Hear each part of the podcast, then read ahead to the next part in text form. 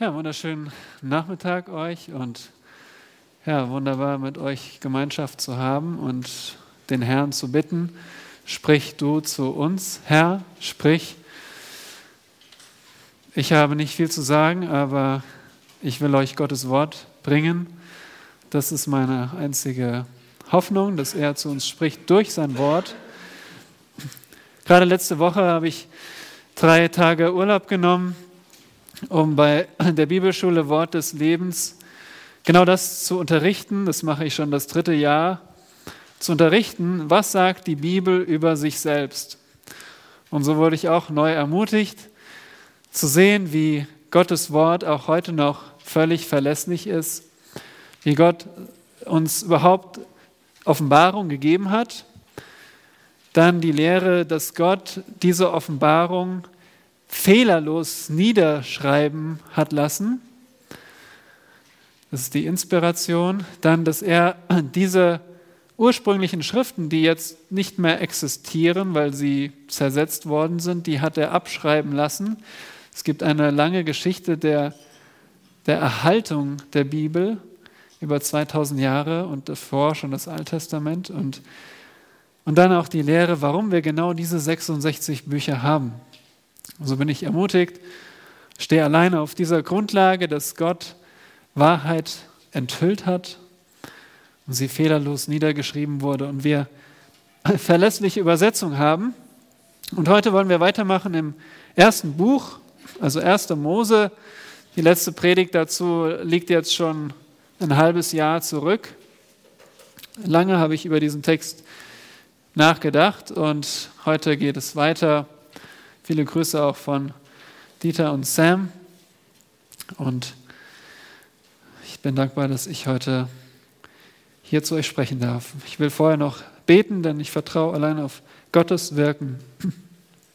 Vater, danke für dein einmal inspiriertes Wort, dass es immer noch gültig ist. Danke, dass es unter viel Einsatz auch erhalten wurde. Danke, dass du es übernatürlich erhalten hast über die Jahrtausende.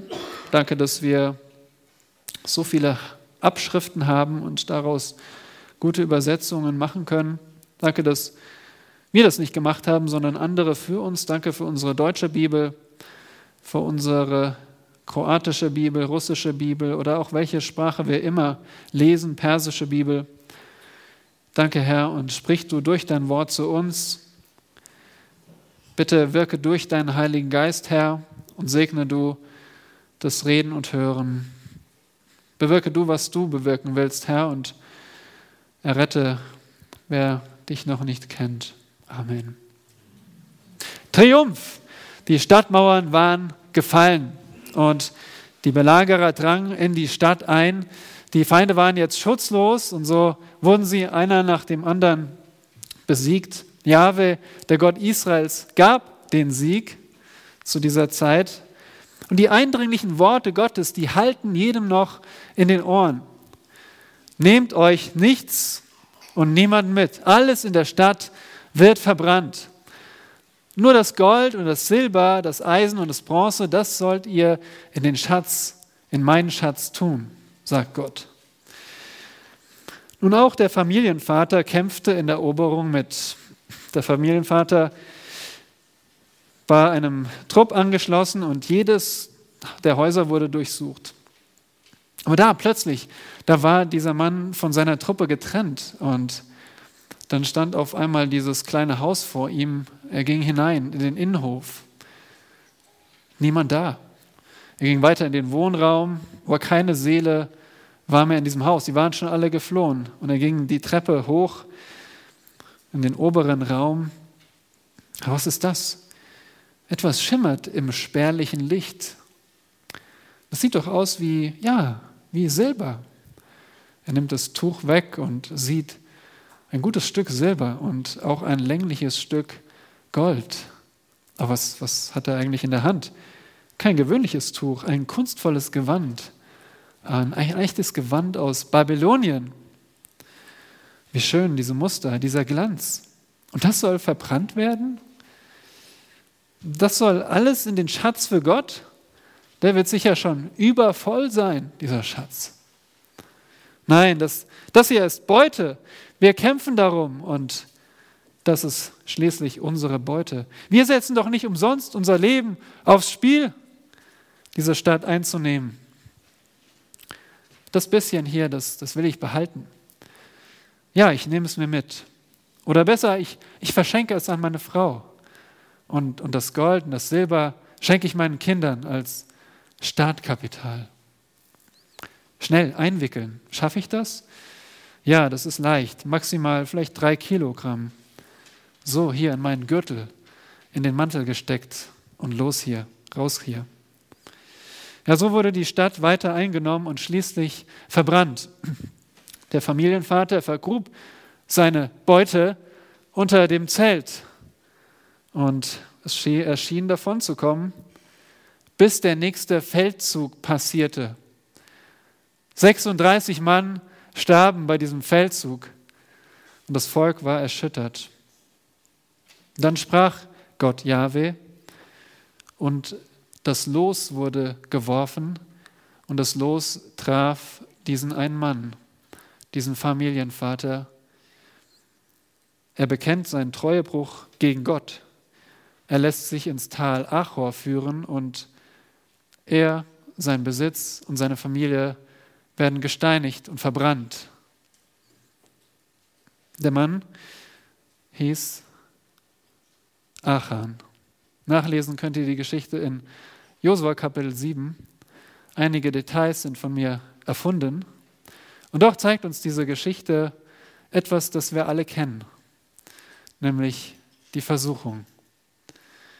Die Versuchung, ein Moment der Schwachheit in der Versuchung kann verheerende Folgen haben. Das sehen wir in dieser Geschichte.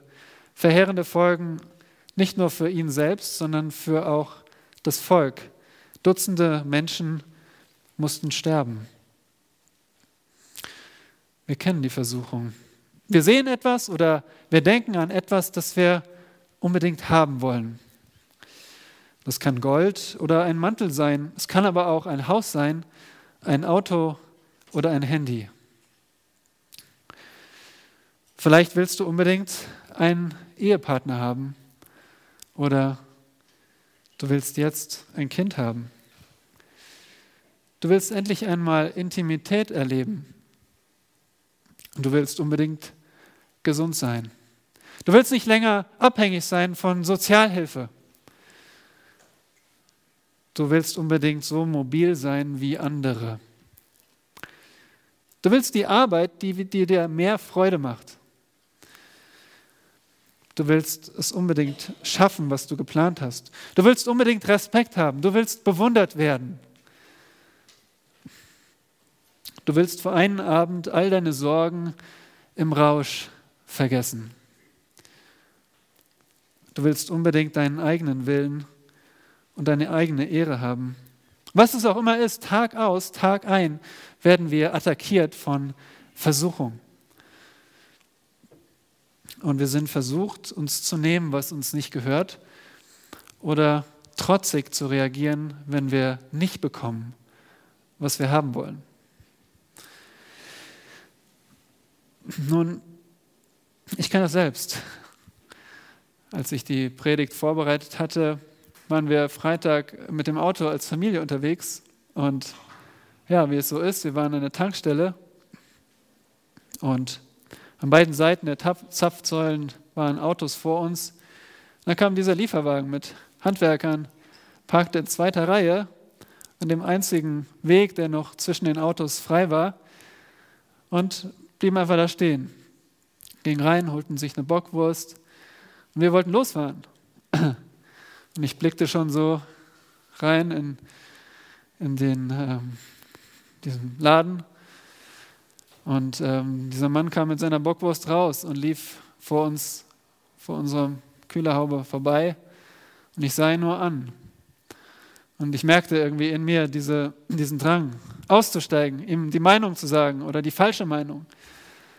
Und äh, Gott sei Dank habe ich es nicht getan, aber dann wurde mir bewusst, dass selbst meine Gedanken schon sündig sind, wenn ich böse Gedanken über diesen Mann habe. Es war nur eine Situation, es ging sehr schnell, aber so kennen wir das alle, dass wir versucht sind, versucht zu sündigen. Versucht, weil wir nicht bekommen, was wir wollen oder das bekommen, was wir eben nicht wollen. Nun, Sünde gegen Gott ist das Schlimmste, was dir passieren kann, was uns passieren kann. Sünde vernichtet unseren inneren Frieden. Sünde zerstört unsere Beziehungen. Sünde beraubt uns der Ehre und Würde. Sünde bewirkt Übel und ewige Verdammnis. Sünde ist das Schlimmste. Und so war auch Achans Glück von kurzer Dauer. Das Einfallstor der Sünde ist die Versuchung. Wir fragen uns heute, heute Nachmittag, was ist die Anatomie der Versuchung? Anatomie, Anatomie meint die Zusammensetzung, also die Anatomie des Menschen. Da sind manche von euch viel besser bewandert, wie der Mensch sich zusammensetzt, aus welchen Bestandteilen.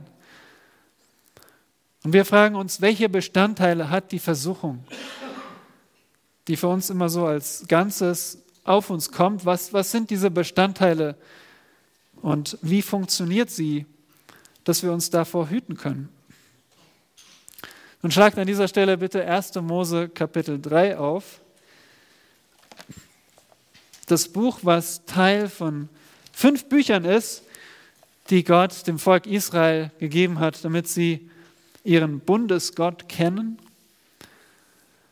damit sie sehen, wie Gott ist und was er getan hat, welchen Plan er hat. Dieses Buch beginnt nicht mit Gesetzen, sondern mit Geschichte. Gott stellt sich selbst vor in der Schöpfung, wie er ist, anhand der Geschichte der Schöpfung. Und heute kommen wir zum sogenannten Sündenfall. Ja, und auch dieser Sündenfall ist genauso Geschichte. Es ist tatsächlich so geschehen. Und das habe ich mir nicht selbst überlegt, das ist die Meinung dessen, der dein und mein Haupt ist, der Herr Jesus Christus.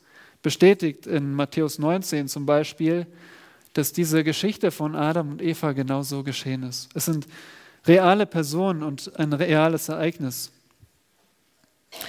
Nun, in welcher Situation befinden wir uns jetzt hier in 1. Mose 3? Gott hat die Welt geschaffen an sechs Tagen. Die ersten Menschen, das erste Ehepaar, lebt in einer vollkommenen Welt. Und sie sind ungeprüft in ihrer Heiligkeit, unschuldig. Sie sind Sie genießen Gottes Gemeinschaft und Liebe. Sie haben also ein völlig, völlig gutes Verhältnis zu Gott, das völlig in Ordnung ist. Sie Sie haben eine sinnvolle Aufgabe, die angenehmste Arbeit, die Sie sich vorstellen können. Sie haben eine Fülle verschiedenster Früchte zum Essen. Sie haben immer Abwechslung. Sie haben eine harmonische Partnerschaft als Leiter und Gehilfin. Sie haben auch eine deutliche Warnung vor der einzigen Gefahr, nämlich von diesem einen Baum zu essen, von dem Gott gesagt hat, davon sollt ihr nicht essen. Sie sind gewarnt. Und wir haben schon letztes Mal gelernt, warum Gott diesen Baum in den Garten setzte. Es war Gottes Prüfung, ob sie ihn lieben. Und letztes Mal haben wir gesehen, wie, wie es etwas Gutes ist, dass wir unsere Liebe, unser Vertrauen unter Beweis stellen. Was für ein schönes Gefühl es ist, treu zu sein. Wenn wir wissen, wir haben, wir haben die Treue gehalten. Was für ein schönes Gefühl, das Adam und Eva tagtäglich haben konnten, wenn sie sagen, ich vertraue Gott, er ist gut, er hat alles gut gemacht. Und dieser Baum, das ist eben dieser Baum, den ich nicht, den ich nicht begehre. Nun, das ist schon eine sehr akzeptable Situation, oder? für Adam und Eva, in der sie sich befinden. Sie hatten also alle denkbaren Hilfen, um nicht zu fallen. Aber wie konnten sie jetzt zur Sünde versucht werden? Wir alle kennen die Geschichte, mehr oder weniger. Nun, 16 Mal in Kapitel 3 kommt das Wort sprechen vor. In diesem Kapitel geht es vorrangig um das Reden. Wer redet und wer hört. Die Versuchung kommt von außen durch das Wort, durch das gesprochene Wort. Und das Wort der Versuchung steht hier im Gegensatz zum Wort Gottes. Das Wort der Versuchung stellt uns vier Fallen. Vier Fallen der Versuchung, vor denen auch du dich hüten musst. Und wir gehen jetzt diese vier Fallen durch, um zu lernen, wie Versuchung funktioniert. Nun, was ist die erste Falle? Die erste Falle ist, hüte dich, Gottes Wort anzuzweifeln. Hüte dich, Gottes Wort anzuzweifeln. In Versen 1 bis 3.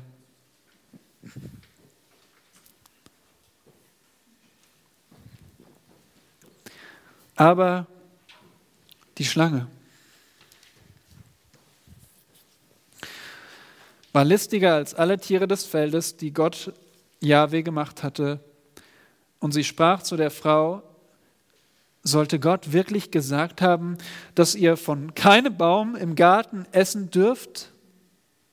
Da sprach die Frau zur Schlange, von der Frucht der Bäume im Garten dürfen wir essen, aber von der Frucht des Baumes, der in der Mitte des Gartens ist, hat Gott gesagt, esst nicht davon und rührt sie auch nicht an, damit ihr nicht sterbt. Da sprach die Schlange zu der Frau, keineswegs werdet ihr sterben, sondern Gott weiß, an dem Tag, da ihr davon esst, werden euch die Augen geöffnet und ihr werdet sein wie Gott und werdet erkennen, was gut und böse ist.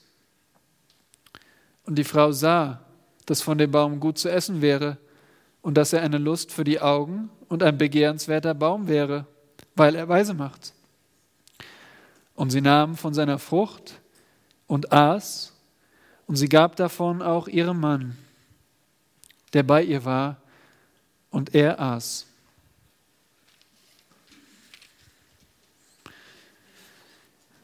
Aber die Schlange. Wir haben hier eine neue Szene. Es ist nicht der nächste Moment nach dem vorherigen Vers. Im vorherigen Vers lesen wir, dass Adam und Eva nackt waren und sich nicht schämten. Dies ist nicht eine Sekunde danach. Dies ist eine neue Szene. Wie viel Zeit ist vergangen? Wir wissen es nicht. Das wird uns nicht gesagt. Aber es gibt eine neue Figur, nämlich die Schlange. Das deutsche Wort für Schlange kommt von dem Begriff Schlängeln. Wir denken an das Tier, das sich schlängelt, an die Fortbewegungsweise. Im Hebräischen drückt das Wort Schlange nicht aus, wie die Schlange sich fortbewegte. Und wir wissen aus den späteren Versen, dass sie zu dem Zeitpunkt auch nicht auf dem Boden kroch, weil das eben der, das Gericht an der Schlange war. Von daher sind die meisten Darstellungen des Sündenfalls in Kinderbibeln und sonstigen Bildern auch ja, eher nicht so, wie es war, weil meistens ist das ja dieses kriechende Tier, was irgendwo in dem Baum hängt. Und hier sehen wir, die Schlange war ein besonderes Tier. Die Schlange, sie war listiger als alle Tiere des Feldes. In anderen Worten, sie war raffiniert und geschickt. Was nicht unbedingt was äh, Schlechtes bedeutet, oder? Wenn du sagst, Mensch, dieser, dieser Junge ist ziemlich geschickt oder dieses Mädchen macht es raffiniert, ist nicht unbedingt was Schlechtes. Wir sehen auch, dass das ein Tier des Feldes ist, die Gott Jahwe gemacht hat. Achtet auf diesen Text, die Gott gemacht hat. Diese Schlange ist ein Tier, das Gott gemacht hat und alles, was Gott gemacht hat, ist gut. Wir sehen also hier, der Autor betont, dass Gott der vollkommen gute Gott ist und dass Gott alle Dinge, alle Fäden in der Hand hält. Er ist souverän. Es gibt nicht Gutes und Böses, das gleich stark ist in dem Universum. Es gibt nicht gute und böse Macht, die gegeneinander streiten, sondern hier ist die Geschichte von dem vollkommen guten Gott, der alles in der Hand hält. Aber wir sehen doch, was die Schlange tut, oder? Sie redet und sie täuscht die Frau. Sie zweifelt an Gottes Wort. Und ja, du hast recht, das, was die Schlange tut, ist böse. Und wir fragen uns, wie kann das sein? Wie kann dieses gute Geschöpf, diese bösen Worte reden? Nun, Mose gibt uns hier keine Antwort, wie das, wie das sein kann, weil er einen anderen Schwerpunkt hat. Er zeigt uns Gottes Geschichte, Gottes Plan und Gottes Güte und seine Souveränität. Aber aus der ganzen Schrift wissen wir, dass hier jemand anderes die Schlange als Verkleidung benutzt, nämlich die alte Schlange aus Offenbarung 12, Vers 9 und 19 und 20, Vers 2. Ein Begriff für den Satan, den Widersacher, genannt Teufel. Und ab jetzt verwende ich auch Schlange, Teufel und Satan austauschbar. Denn hier spricht der Satan durch dieses Tier, durch dieses untergeordnete Tier. Eva wusste, diese Tiere des Feldes, die sind uns untergeordnet. Über die herrschen wir. Und Satan macht es geschickt, dass er ein Tier benutzt, um durch dieses Tier zu sprechen und scheinbar untergeordnet ist.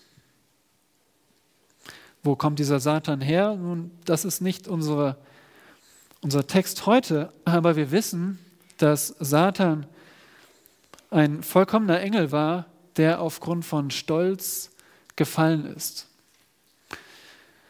Und seitdem ist der Kern der Sünde, Gottes Platz selbst zu beanspruchen. Der Kern der Sünde ist, mein Wille geschehe. Nicht Gottes Wille geschehe. Dadurch ist der Satan gefallen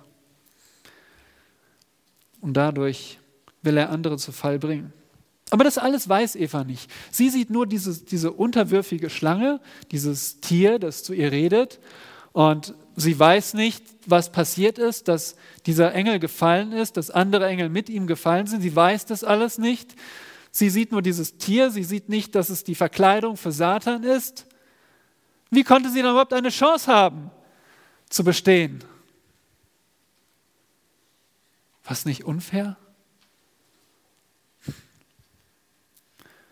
Nein, es war nicht unfair, denn sie kannte Gottes Wort.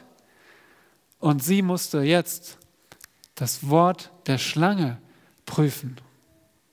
Sie hatte alles, was sie brauchte. Die Versuchung konnte nur durch, Gottes, durch das Wort kommen des Satans. Und äh, wie beginnt die Schlange das Gespräch?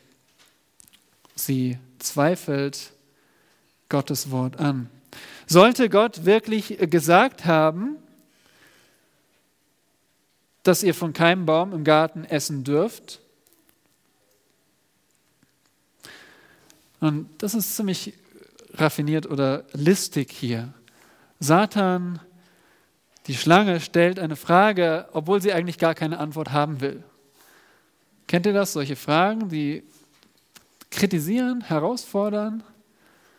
So, warum hast du das schon wieder so schlecht gemacht? Naja, ich wollte es halt heute mal schlecht machen. Nein, es ist eine Frage, die keine Antwort will, sondern kritisieren will. Was hatte Gott gesagt? Schaut in eure Bibeln, Kapitel 2, Vers 16.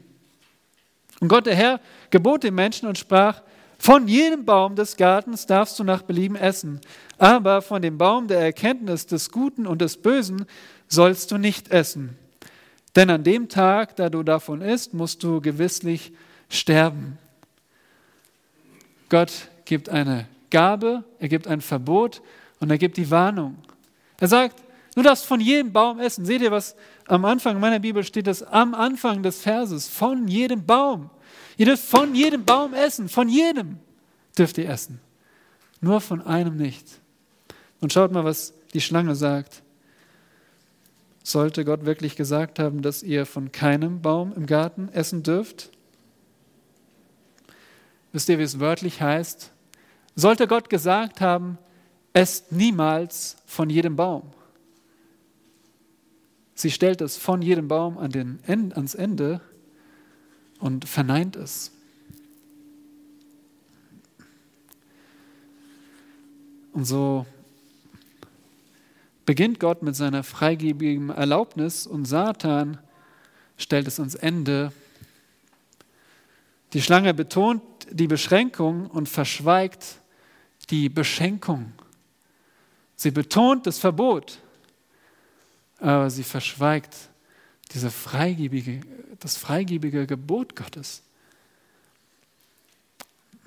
Und was isst du eigentlich am liebsten? Wir haben wahrscheinlich verschiedene Geschmäcker hier. Aber stell dir vor, was, was du am liebsten isst. Vielleicht isst du gerne viele Arten von Früchten, vielleicht so eine frische Mango, die so richtig schon nicht hart ist, aber schon so ein bisschen weich ist, die so Mund fast schon zergeht. Oder vielleicht esst ihr gern vegetarisch, Gemüse, so frisch gebraten.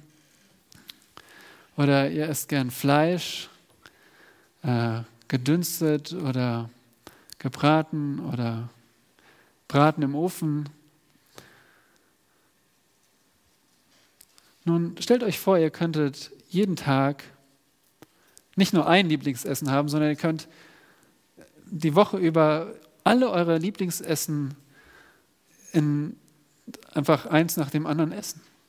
Stellt euch vor, ihr, ihr hättet keine negativen Folgen. Ihr würdet nicht immer dicker werden, ihr würdet eure Arterien, eure Blutgefäße setzen sich nicht zu. Ähm, ihr bleibt immer kerngesund. Könnt immer essen, was ihr wollt. Nun genau das, das sind Adam und Eva. Stellt euch vor, ihr habt euer Lieblingsessen an eurem Lieblingsurlaubsort.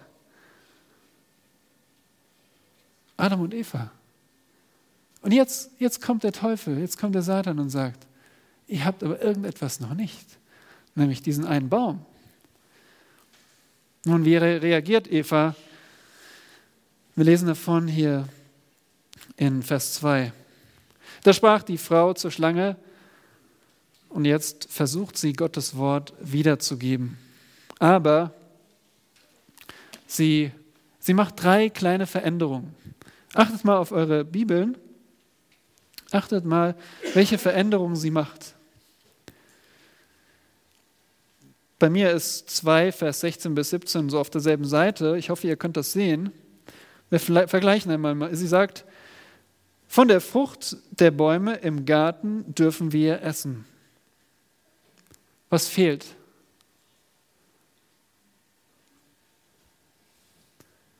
Was fehlt hier? nach Belieben, oder? Nach Herzenslust. Gott sagt, ihr dürft nach Herzenslust essen. Sie lässt es aus. Zweitens, aber von der Frucht des Baumes, der in der Mitte des Gartens ist, hat Gott gesagt, esst nicht davon und rührt sie auch nicht an, damit ihr nicht sterbt. zwei weitere kleine Veränderungen. Was fügt sie hinzu? Rührt sie nicht an. Rührt sie nicht an. Was lässt sie weg? Sie sagt, damit ihr nicht sterbt. Gott sagt, du musst gewisslich sterben. Eva maximiert das Verbot, rührt es nicht an und sie dezimiert den Sinn, nämlich dass sie gewisslich sterben. Und sie minimiert das Gebot, dass sie nach Herzenslust essen dürfen. Und so zeigt sie schon eine kleine Schwachheit in dem Versuch, Gottes Wort wiederzugeben. Wisst ihr, Gottes Wort ist bis zum einzelnen Buchstaben festgelegt. Und wir müssen Gottes Wort haargenau kennen. Das zeigt sich hier schon. Du denkst, ja, wie kommt es denn auf diese einzelnen Worte an? Aber hier sehen wir, Gottes Wort müssen wir ernst nehmen bis zum einzelnen Wort. Es ist nicht nur gedanklich inspiriert, sondern bis zu den Worten hin inspiriert. Und Eva lässt sich darauf ein, Gottes Wort über Gottes Wort zu diskutieren. Und schon steht Gottes Wort zur Beurteilung. Ein guter Satz, den ich gelesen habe, ist, Das Fragezeichen hinter Gottes Wort ist das Ausrufezeichen hinter dem Unglauben.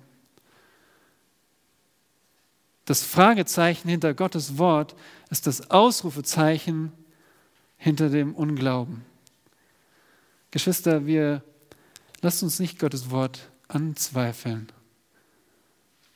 Zweifle nicht daran. Du kannst das nicht beweisen. Du kannst es nicht an deiner Weisheit messen. Du kannst entweder vertrauen oder nicht.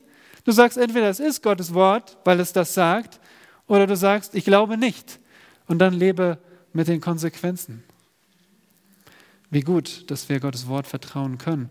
Aber das ist nur die erste Falle. Was ist die zweite Falle? Hüte dich, Gottes Wort abzulehnen. Und hier offenbart sich jetzt die wahre Strategie des Teufels. Er will keine Antwort. Er will das Wort ablehnen.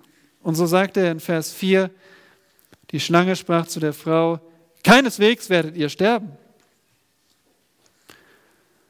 Und hier finden wir den Frontalangriff. Was leugnet Satan hier? Er leugnet die Strafe über den Ungehorsam. Kommt uns das irgendwie bekannt vor? Natürlich. Menschen mögen gerne die Botschaft von Gottes Liebe hören, aber sie werfen die Botschaft von Gottes Strafe schnell weg. Nun, das hat angefangen im Garten Eden. Gott wird doch nicht strafen. Er ist doch ein liebender Gott.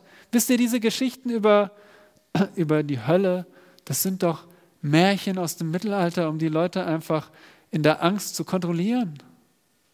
So oder so ähnlich könnte auch Satan sprechen. Was für ein großer Irrtum. Ein Wort bringt den Irrtum hier ins Spiel. Gott sagt, du musst gewisslich sterben. Satan sagt, niemals werdet ihr sterben. Ein Wort setzt er davor. Und hier wird Satan zum Mörder. Er nimmt das Warnschild weg. Am 9. Februar 2016 geschah ein schreckliches Unglück. Und ich spreche nicht gerne über Unglück, aber es illustriert hier, was, was hier vor sich geht. Und zwar war in Richtung Bad Aibling in Bayern ein Regionalzug auf einer eingleisigen Strecke unterwegs. Der Gegenzug, der hatte eine rote Ampel. Unachtsam greift der Fahrdienstleiter in die Automatik ein und gibt dem Gegenzug mit drei weißen Lämpchen unter dem roten Signal das Signal zur Durchfahrt. Und die Züge rasen mit Vollgas direkt aufeinander zu. So ist Satan.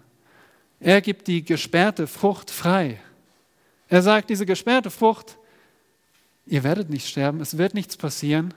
Freie Fahrt. Und damit wird er zum Mörder von Anfang an. Und seitdem hat er nur den Tod und den Mord im Sinn. Gott als Gerichtsherr? Nein, das ist laut der evangelischen Kirche in Deutschland für uns heute tief problematisch geworden. Stattdessen konzentrieren wir uns lieber auf Anerkennung, Vergebung und Freiheit. Und so ist unsere Zeit heute wie die fromme Elite zur Zeit Jesu und wie Satan im Garten Eden dass sie ablehnen, dass Gott uns richten wird. Aber damit ist das Urteil schon besiegelt. Und es ist Liebe, nicht zu verschweigen, was die Konsequenzen für Ungehorsam sind. Es war Liebe von Gott, dass er gewarnt hat. Und so ist die zweite Falle, dass wir Gottes Wort einfach ablehnen. Was ist die dritte Falle? Hüte dich, Gottes Wort auszutauschen. Hüte dich, Gottes Wort auszutauschen, zu ersetzen. Und Satan hat er einmal Gottes Wort kritisiert und verworfen, dann kann er jetzt sein eigenes Angebot machen. Es durch sein eigenes Angebot ersetzen. Und das lesen wir in Vers 5. Und achtet einmal auf die listigen Teufelsworte, sondern Gott weiß, an dem Tag, da ihr davon esst, werden euch die Augen geöffnet und ihr werdet sein wie Gott und werdet erkennen, was gut und böse ist. Was maßt sich der Teufel hier an? Er maßt sich an, die Motive Gottes zu kennen. Er sagt, Gott hat nicht euer Bestes im Sinn. Gott will euch was vorenthalten. Er will euch etwas nicht geben, was euch zusteht. Und wie stellt er Gott dar? Als den missgünstigen Gott, der dich von deiner wahren Bestimmung zurückhält. In anderen Worten, Gott, der will sich nur selbst verteidigen. Gott will nicht zulassen, dass der Mensch in seinen Bereich eindringt. Gott ist dein Feind, Eva. Hol dir, was dir zusteht. Du hast es in der Hand. Und so lästert Satan in aller Hässlichkeit den guten Gott, den wir in Kapitel 1 bis 2 kennengelernt haben. Erinnert ihr euch noch, wie wir gesehen haben, wann das erste Mal sein Urteil kommt in Kapitel 1, Vers 4. Und Gott sah, dass das Licht gut war. Wir haben gesehen, dass gerade dieser Vers außer der Reihe tanzt, außerhalb der normalen Abfolge ist und betont, dass Gott gut ist von Anfang an. Das Erste, was er macht, ist gut, weil er gut ist. Genau das lästert Satan, dass Gott gut ist. Und gut heißt gut. Gut heißt gut. Gut heißt moralisch völlig einwandfrei. Das Beste. Das Beste, was er tun kann.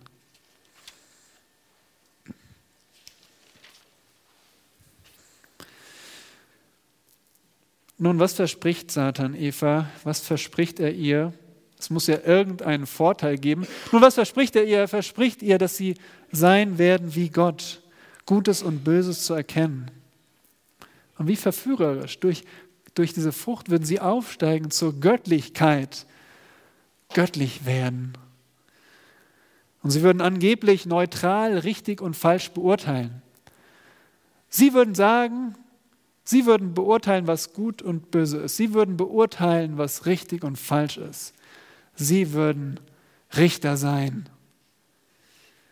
Was für eine Lüge. Wir wollen Eva zurufen. Warum solltest du zwischen Gut und Böse unterscheiden können? Du bist doch schon gut und du willst das Gute.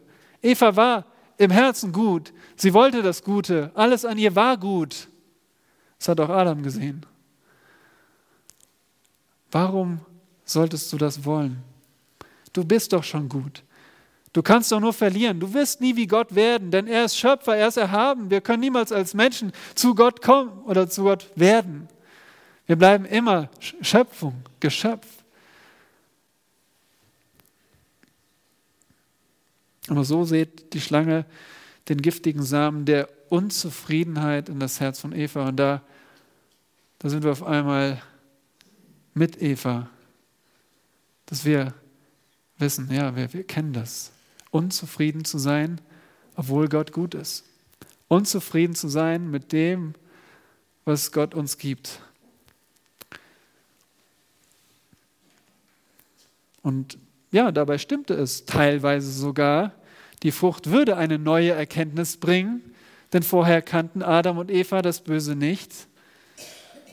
Und es würde auch stimmen, dass sie Gott ähnlich werden würden. Wir sehen das später noch in Vers 22, wo Gott spricht, siehe, der Mensch ist geworden wie unser einer, indem er erkennt, was gut und böse ist. Ja, man kann sagen, ganz Unrecht hatte sie nicht. Aber es war nur eine Halbwahrheit. Und was hat sie verschwiegen? Die tödlichen Folgen. Kein Wort davon stattdessen den Tod geleugnet.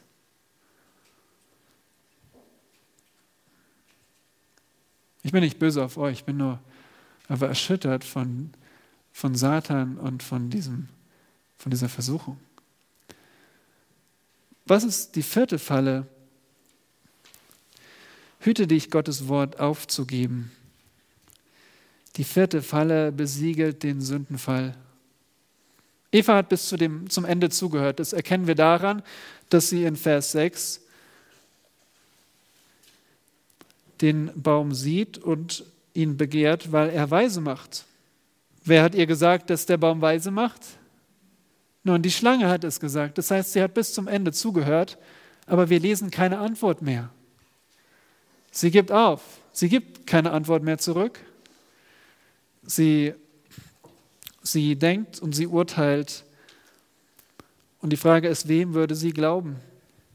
Sie konnte entweder nur einem Herrn, nur einem Herrn dienen. Sie konnte entweder Gottes Wort glauben und das Wort Satans verwerfen, oder sie glaubt Satans Lüge und verwirft Gottes Wahrheit. Beides geht nicht. Und hier bildet sich Eva ihre eigene Meinung.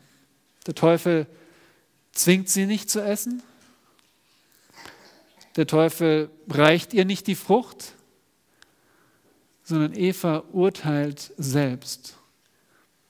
Das hat Gott gesagt, das sagt die Schlange. Ich entscheide. Und das ist der Kern der Sünde, zu urteilen über Gottes Wort. Und so prüft sie das Angebot und es hat einen praktischen Anreiz. Die Frucht ist gut zu essen, steht hier. Was ist gut? Wer sagt eigentlich, dass sie gut ist? Wisst ihr, gut ist ein Urteil, ein moralisches Urteil, dass sie gut ist. Wer hat das Recht zu sagen, was gut und schlecht ist? Nur, nur unser Gott. Nur Gott sagt, es ist gut oder es ist nicht gut. Und wir urteilen nur von dem, was wir von Gott wissen. Wir urteilen nicht selbst. Aber Eva beurteilt selbst anstelle von Gott. Außerdem ist da noch der ästhetische Anreiz. Und da lernen wir über die Sünde, dass es meist einen praktischen Anreiz hat und dass es einen ästhetischen Anreiz hat, dass es schöne Gefühle hervorbringt, das anzuschauen. Und auf einmal sieht die Frucht gut aus. Vorher ist sie vielleicht tausendmal vorbeigegangen und hat die Frucht gar nicht sich genauer angeschaut, weil sie wusste, diese Frucht ist nicht für uns. Aber jetzt, wo ein Anreiz da ist, dass sie weise machen soll, da sieht sie auf einmal gut aus. Und die schlimmen Folgen sind verblasst und auf einmal ist sie attraktiv. Und schließlich lockt der egozentrische Anreiz, das, was weise machen soll. Aber oh nein, was für ein Irrtum. Josua 1, Vers 8 mahnt uns doch, dass wir Gottes Wort Tag und Nacht erforschen sollen, um weise zu werden. Oder was steht in Sprüche 9, Vers 10? Die Furcht des Herrn ist der Anfang der Weisheit. Und Satan tauscht es aus und sagt, der Ungehorsam gegen Gott ist der Anfang der Weisheit. Und so vertraut Eva ihren Sinn. Sie vertraut ihren Augen. Sie vertraut ihrem Urteil. Und sie vertraut ihren Gefühlen. Und dann geht alles ganz schnell. So wird es hier im Hebräischen auch ausgedrückt. Es geht ganz schnell. Sie sieht, sie urteilt, sie nimmt, sie isst und mit dem Essen hat sie das klare Gebot gebrochen. Auch wenn die Sünde schon vorher anfing, aber mit dem Essen ist es besiegelt. Denn Gott sagt, ihr sollt nicht davon essen, denn an dem Tag, da ihr, da ihr davon isst, werdet ihr sterben. Jetzt haben wir lange über Eva gesprochen, aber was macht eigentlich Adam? Wo ist Adam? Vers 6, und sie gab davon auch ihrem Mann, der bei ihr war. Und hier gibt es manchmal Diskussionen, wie, wie nah war er jetzt? Fünf Meter, zwei Meter, ein Meter neben ihr? Nun, das, der Ausdruck bedeutet generelle Nähe. Das ist also nicht, der Text sagt nicht, Adam stand unbedingt neben ihr, aber er war in der Nähe. Ich weiß nicht, ob er das Gespräch mitbekommen hat. Paulus sagt, Adam wurde nicht verführt. Er brauchte nicht getäuscht werden, sondern er nimmt willentlich und ist im vollen Bewusstsein, dass es falsch ist. Und so gibt Eva ihm die Frucht und er isst und auch er übertritt das Gebot. Er passt sich lieber an und stirbt mit seiner Frau, als dass er gehorcht und mit Gott lebt. Er passt sich an. Adam, du bist doch der Leiter. Du sollst doch deine Frau schützen. Wo bist du? Sie ist, ich es auch. Er passt sich an. Und so hört die Frau auf die Schlange, der Mann hört auf die Frau und niemand hört auf Gott. Niemand. Und überlegt vielleicht, warum, in der, alles, warum alles in der Welt tun sie das? Warum passiert das? Gebt auf, gebt auf, irgendeine Erklärung zu finden. Für Sünde gibt es keine rationale Erklärung. Es gibt keine Erklärung, warum sie das tun. Sünde kann man nicht nachvollziehen. Adam und Eva waren heilig und vollkommen. Und ihre Entscheidung zu sündigen ist völlig irrsinnig. Sünde ist die Scheidung des Willens von der Vernunft. Und damals hatten sie noch volle Vernunft. Wir haben jetzt gefallene Vernunft. Aber Sünde ist niemals rational. Nun, wo begann die Sünde? Jakobus 1 lehrt uns, dass jeder Einzelne durch unsere eigene Begierde versucht werden. Wir, wir haben diese Begierde in uns, die angereizt wird. Für den einen ist es vielleicht Kleider, für den anderen ist es Essen oder für den anderen ist es Sport oder Sport schauen oder was auch immer. Aber hier muss Satan erst diese, dieses Verlangen provozieren, denn Adam und Eva hatten kein Verlangen nach dieser Frucht. Er musste erst Zweifel säen, Täuschung benutzen, damit sie das tun würden. Aber wir sind anders. Wir haben Begierde in uns. Und diese Sünde beginnt im Herzen, da wo wir, bevor wir zur Tat schreiten, innerlich gegen Gottes Wort rebellieren. Ein Theologe schreibt dazu, Zitat, Sünde ist der Versuch des Geschöpfs, durch eigene Weisheit die Eigenschaft Gottes auszuüben, zwischen Gut und Böse zu unterscheiden und zu wählen. Es ist daher Selbstgefälligkeit, Selbstvertrauen, Selbstbehauptung und die Bevorzugung, seiner eigenen Weisheit und Willens gegenüber der Weisheit und dem Willen Gottes. Ich fand das gut ausgedrückt. Anders gesagt, Sünde ist da, wo wir selbst beurteilen. Okay, Gott sagt das, aber ich will es nicht. Ich finde es einfach nicht passend oder das Beste. Ich wähle diesen Weg und du handelst nach deiner eigenen Weisheit anstelle nach dem, was klar und deutlich geschrieben steht. Und da kommt diese ganze Folge von tödlichen Konsequenzen in dein Leben.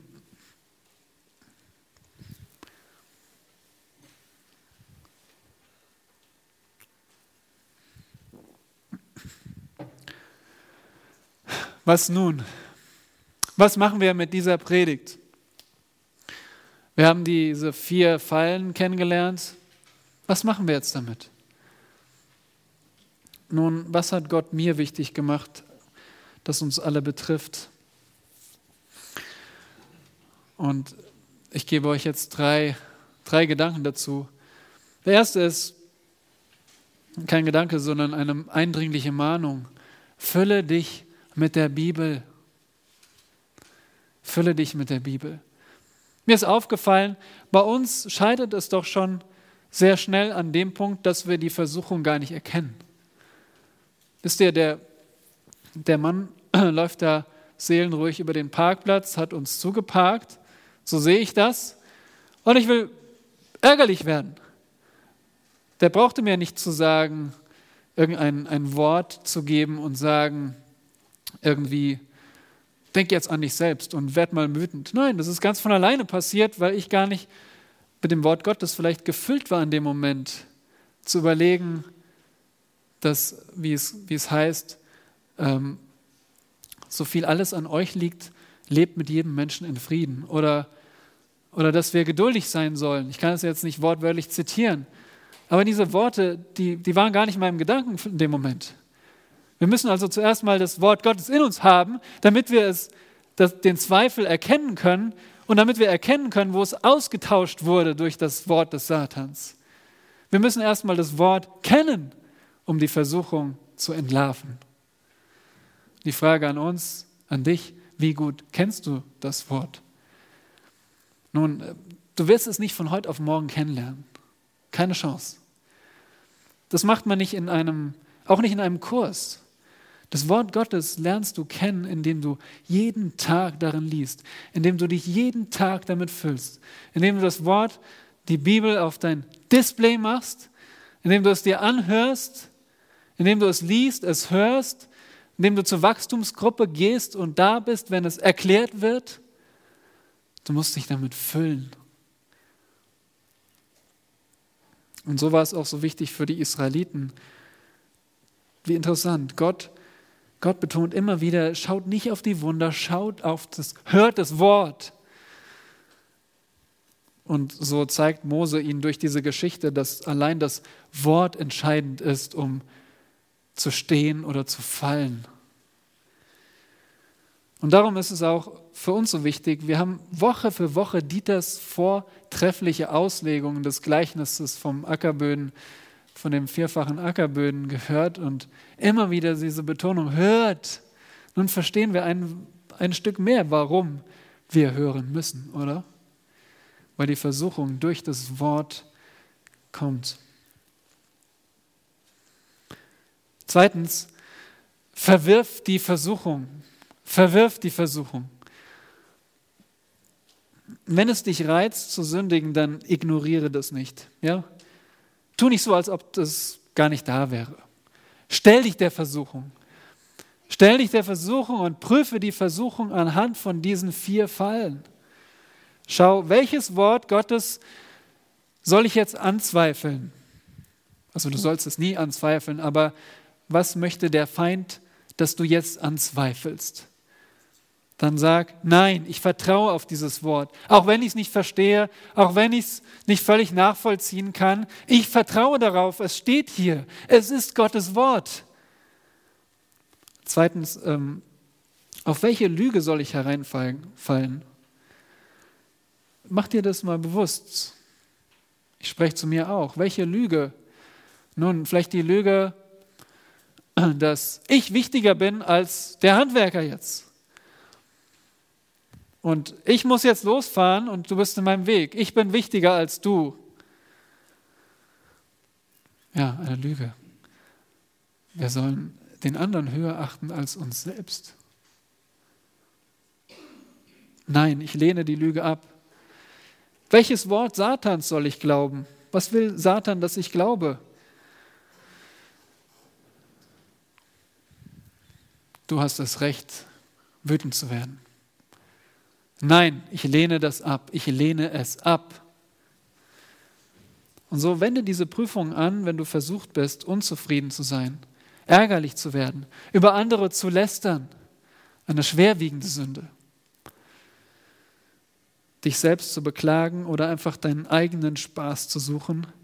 Oder was immer es ist, verwirf die Versuchung, weil du, ja, warum eigentlich? Weil du glaubst, dass Gott gut ist. Dass er unwandelbar gut ist und dass Satan unverbesserlich böse ist. Darum verwirft die Versuchung. Und drittens, fliehe zum Herrn Jesus. Wir sind machtlos ohne Jesus und ich freue mich so sehr, dass wir jetzt über Jesus reden können. Denn Adam und Eva sind gefallen und seitdem sind wir nicht mehr gut. Die Sünde, die zieht uns an, wie Gegenstände vom Erdboden angezogen werden. So zieht uns die Sünde an. Und wir sind machtlos ohne unseren Retter.